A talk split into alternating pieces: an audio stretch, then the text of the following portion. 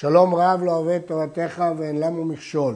הרמב"ם, משנה תורה, ספר זרעים, הלכות מעשר שני ונטע רוואי, פרק שביעי. הלכה א', פירות הנלקחות בכסף מעשר שני אינן נפדים בריחוק מקום, אלא אם כן נטמעו באב הטומאה, אלא יעלו הן עצמם ויאכלו בירושלים. זה חומר בלקוח בכסף מעשר מפירות מעשר עצמם. ואם נטמעו בבלד הטומאה, ייפדו ויאכלו בירושלים. אדם שמפריש פירות של מעשר שני, והוא נמצא ברחוק מקום, יכול לפדות אותם על הכסף. כך כתוב בפירוש בתורה, וצרת הכסף. אבל אם בכסף הזה, שקדוש בקדושת מעשר שני, הוא קנה פירות, כיצד הוא קנה פירות? או בירושלים, או שמחוץ לירושלים הוא חילל פירות על הפירות. לפי הרמב"ם אפשר לחלל פירות על הפירות. אז עכשיו הפירות האלה נלקחו בכסף מעשר שני, אותם אי אפשר לפדות ברחוק מקום. רק אם הם נטמעו טומאת התורה. אם הם נטמעו טומאת התורה, אז אפשר לפדות אותם ולהעלות את הכסף לירושלים. אבל אם הם טהורים, אסור את הפירות האלה לפדות, חייבים להעלות אותם לירושלים כדי שיתעטרו שוקי ירושלים בפירות. אבל אם נטמעו בבלד התרומה, ייפדו ויאכלו בירושלים. מדוע? כמובן שהרמב"ם מדבר פה על ולד טומאה דה רבנן, לא על ולד דאורייתא. הרמב"ם בהלכות אבות הטומאות כותב שיש ולד הטומאה, כלומר ראשון לטומאה, שהוא מדאורייתא, אבל פה הוא מדבר על ולד טומאה מדרבנן, למרות שהוא לא כתב זאת בפירוש. ולד טומאה דרבנן, אז מהתורה הפירות טהורים, אז מהתורה הם ראויים לאכול בירושלים. ולכן מצד אחד ייפדו, כי סוף סוף הם טמאים מדרבנן, מצד שני, כיוון שמהתורה הם טהורים ולא מועיל להם פדיון, חייבים לאכול אותם בירושלים, ולכן מחמירים כשני הצדדים, ייפדו ויאכלו בירושלים. הלכה ג' אין נלקח בכסף מעשר אלא מאכל אדם שגידוליו מן הארץ או גידלי גידוליו מן הארץ. צריך שיהיה מאכל אדם ולא מאכל בהמה וצריך שגידוליו או גידולי גידוליו יהיו מהארץ. בהמשך נסביר מה זה גידולי גידוליו כגון דבש. כעין הפרט מפורש בתורה, בבקר ובצאן, ביין ובשקה. יש לנו כלל שכלל ופרט הוא כלל, כתוב, אנחנו דורשים כעין הפרט. כאן יש כלל ופרט וכלל, ונתת הכסף בכל אשר תהווה נפשך, כלל. בבקר ובצאן וביין ובשכר, פרט. ובכל אשר תשאלך נפשך, חזר וחלל. אבל יש לנו כלל, כלל הוא פרט הוא כלל, אין אתה דן אלא כעין הפרט. הרמב"ם תרגם את זה כגון או כעין הפרט המפורש בתורה. ולכן צריך מאכל אדם וגידולי קרקע. לפיכך, אין לוקחים בכסף מעשר מים ומלח, כמהין ופטריות, לפי שאין גידולי מן הארץ. מים לא גדלים בארץ, גם המלח לא גדל בארץ. וגם כמהים ופריטיות. יש תוספות שאומר שכמהים ופריטיות אפשר, אבל רוב הראשונים פוסקים כמו הרמב"ם שאי אפשר. ולא פירות מחוברים לקרקע, ולא פירות שאינם יכולים להגיע לירושלים כי הם ירקבו עד שהם יגיעו לירושלים, כמו תאנים וענבים, לפי שאינם דומים לבקר וצאן. צריך להיות לא רק גידולי קרקע, אלא דומים לבקר וצאן, כלומר מיטלטלים ויכולים להגיע לירושלים. הדבש והחלב והביצים הרי הם כבקר ובצאן. מדוע? הרי הם לא גדלו בקרקע.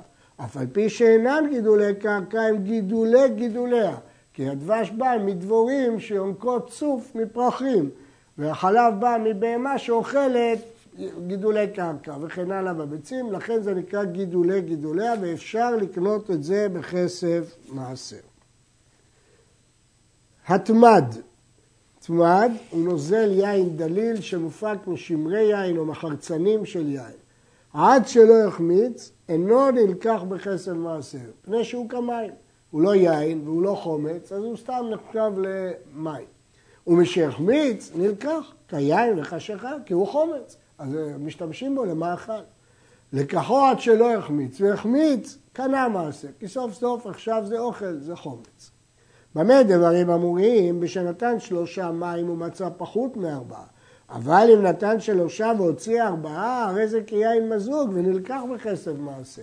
אם השמרים האלה הם כל כך לחים, מלאים יין, שאם נתת שלושה קיבלת ארבעה, אז יש להם כוח יין גדול, זה כמו יין מזוג, אז פשיטה שזה יין. לולבי זרדין והחרובים, ענפים רכים של גפנים או של חרובים, עד שלא ימתיקו אין נלקחים. לפני שישביח טעמם אי אפשר לאכול אותם, הם מרים, הם לא בגדר פרי. ואחר שימתיקו נלקחים. אחרי שהם ישביחו ואפשר לאכול אותם, הם נלקחים.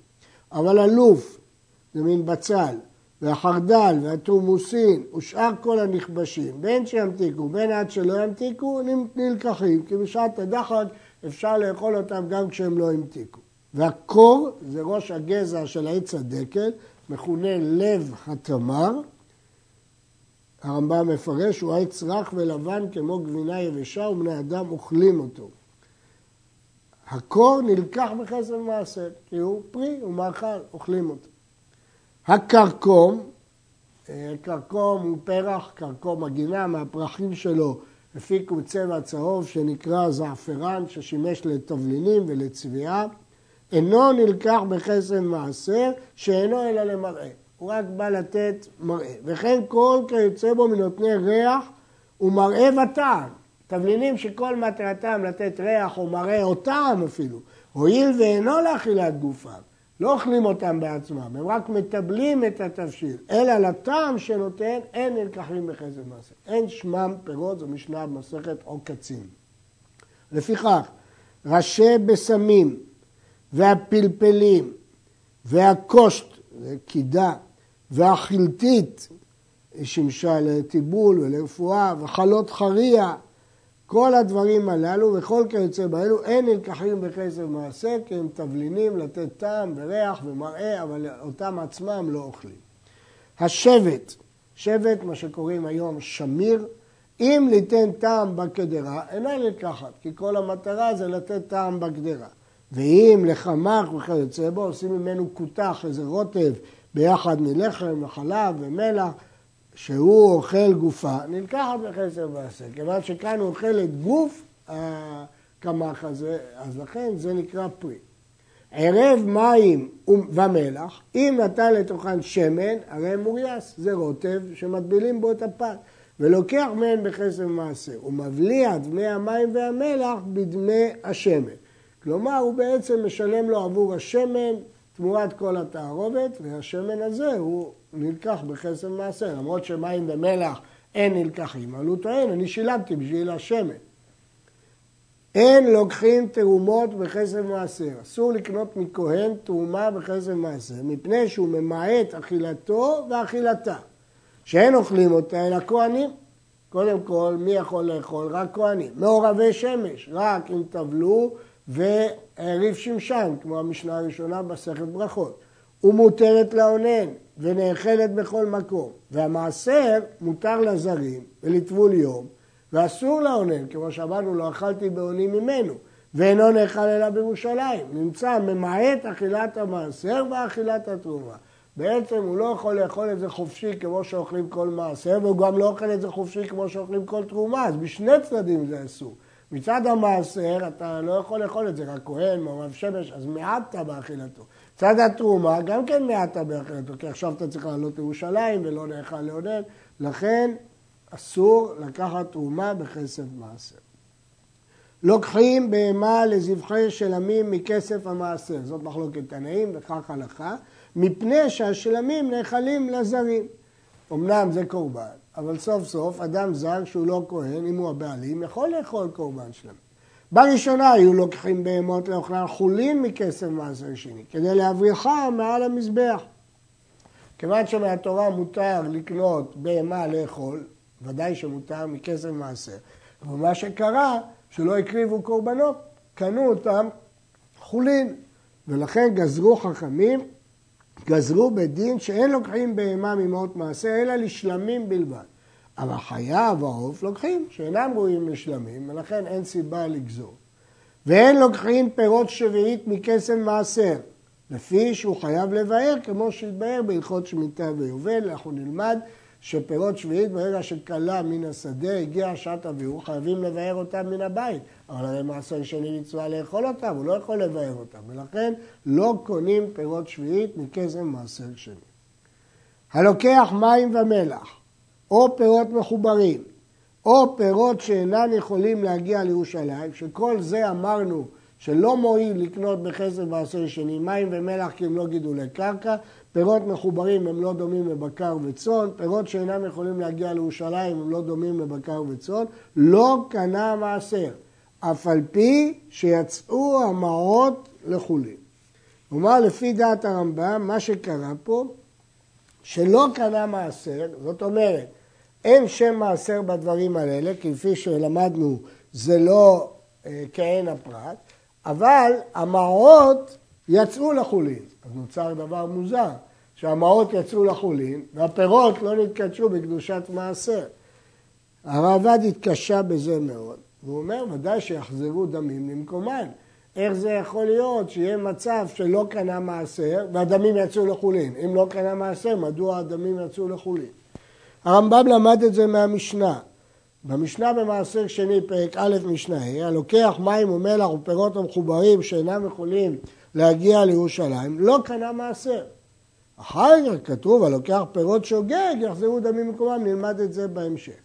אבל כאן כתוב בפירוש שלא קנה אה, מעשר, לכן פסק הרמב"ם שהמעות יצאו לחולין למרות שהוא לא קנה מעשר. כפי שאמרנו, יש פה קושי, איך נתחללו המעות, איך פקעו קדושתם. התשובה היא, כיוון שסוף סוף זה מאכל. כיוון שסוף סוף זה מאכל, אז יצאו המעות לחולין, אבל לא קנה מעשר.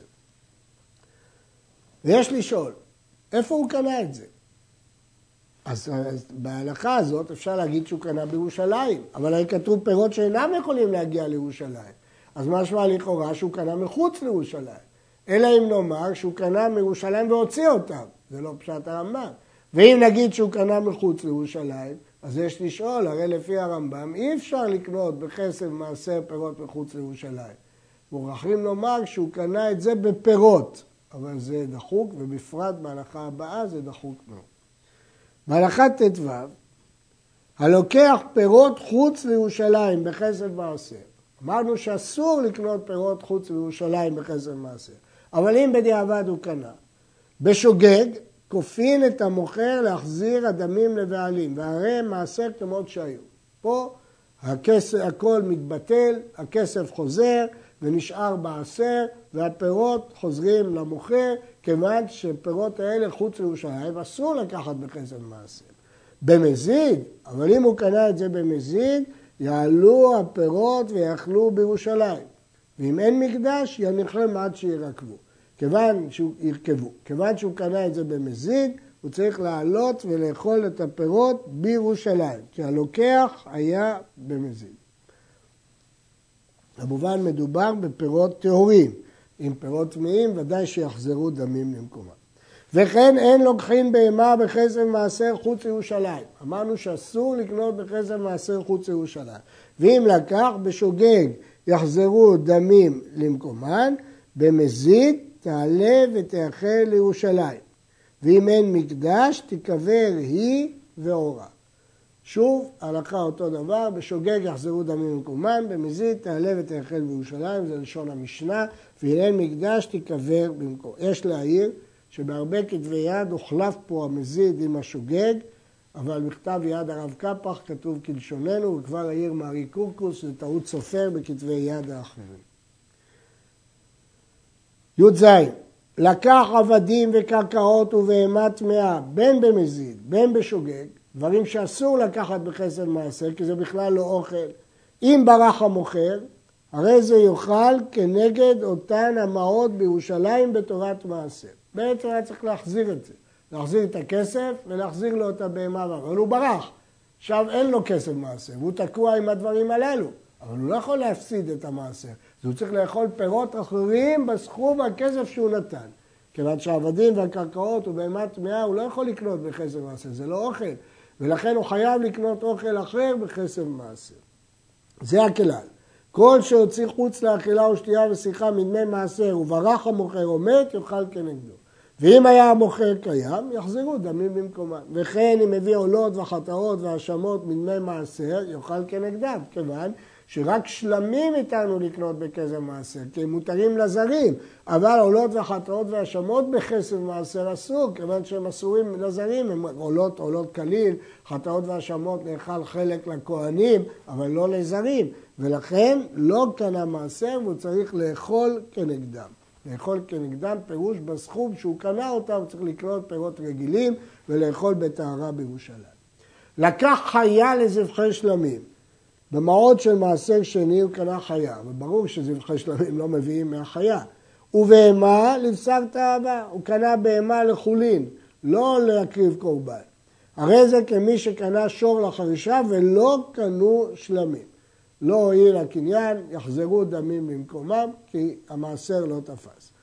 הדין הראשון, חיה ודאי שלא שייכת בזבחי שלמים. והדין של בשר תאווה, למדנו שגזרו בדין שיקנו בזה רק קורבן שלמים. לקח בהמה לשלמים, כמו שצריך, הוא קנה בחסד מעשר שלמים, ונפל במום, פקע ממנה קדושת מעשר, כי עכשיו יש במום. הוא פודה אותה, פודה אותה כמו שכל פסולי המוקדשים פודים אותה, ואין הדמים מעשר. ואף על פי כן, אם פדיה לעצמו, מוסיף חומש. כלומר, ודאי שהוא חייב לפדות, אבל אין קדושת מעשר, כי יש בזה מום, והוא יכול לאכול את זה בלי קדושה, והדמים לא מעשר, אבל חייב לפדות. ואם פדה, לה... ואף על פי כן, אם פדה לעצמו, מוסיף חומש. למה? כי בכל הקדש, מי שפודה מההקדש, מוסיף חומש. האוכל מעשר שני בתורת חולין, אפילו במזיד. הוא לקח מעשר שני ולא נהג בהם קדושת מעשר שני. אם פירות המעשר עצמן אכל, יצעק לשמיים. אין לו תקנה, צריך להתפלל להשם שיסלח לו. זה פירוש יצעק לשמיים. ואם כסף מעשר אכל, יחזרו דמים למקומם, ויעלו ויאכלו בירושלים. או יאכל כנגדם בירושלים אם אינו יכול להחזיר את הדמים. אם יש אפשרות להחזיר את הדמים, הכי טוב ביותר. ואם לא, יאכל כנגדם, הוא צריך לאכול פירות אחרים בירושלים תמורת מה שהוא אכל לא בתורת מעשר. עד כאן.